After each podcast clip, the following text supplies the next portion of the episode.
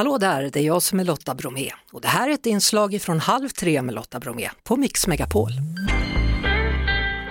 Brandstationen i Gävle, har ni sett den? Det ser ut som en medeltida borg skulle man kunna säga och det är ritat av Ferdinand Boberg, arkitekten bakom bland annat NK-huset och Rosenbad. Och nu har brandmännen och brandkvinnorna där byggt en replika av huset i, ja, ni har gissat rätt, pepparkaka såklart. Brandingenjör Emma Axelsson, välkommen till Halv tre. Tack så mycket. Du, jag såg en bild på det här, alltså det, det ser jättesvårt ut, speciellt att få till tonen. Hur, hur har ni gjort? Eh, det var absolut svårt att få, få till tonen. Eh, vi har fått pyssla lite med lite olika bitar för ja. att eh, få till det här. Vi har väl också fått göra lite förenklingar. Huset är ju väldigt mycket utsmyckat men vi har fått göra en förenkling. Hur, hur många är ni som har hållit på med det? Har alla deltagit eller några som tyckte att det är vi som bygger bäst? Det har väl inte varit att det har varit någon som bygger bäst, men eh, vi har varit eh, fyra stycken eh, som har gjort det, plus en mamma till en kollega Jaha. som har bidragit. Oh. så vi har byggt det här och eh, garnerat. Ja, eh, är det en tradition där, eller är det första gången? Det är första gången som vi har eh, gjort det här. Men jag kan väl hoppas att det blir en tradition.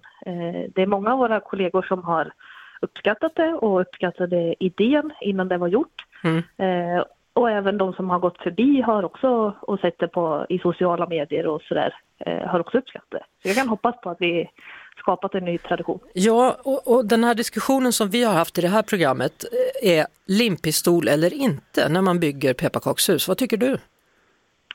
Eh, vi hade också den diskussionen och eh, jag själv eh, har byggt pepparkakshus förut och då har det använts limpistol framför allt. Eh, det gjorde vi även här och jag, vi konstaterade att med tanke på de många olika bitarna som behövdes eh, så var nog limpistol ett bra alternativ.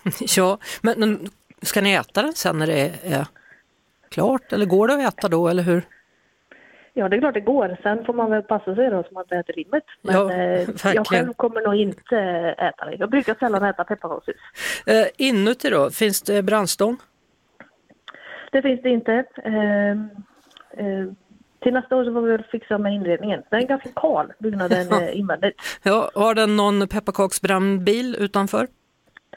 Inte i pepparkaka, men eh, det finns absolut en brandbil utanför. Ja, ja, då får det bli den i pepparkaka nästa år också. Gud vad ni ska hålla på med detaljer när ni nu avancerar här.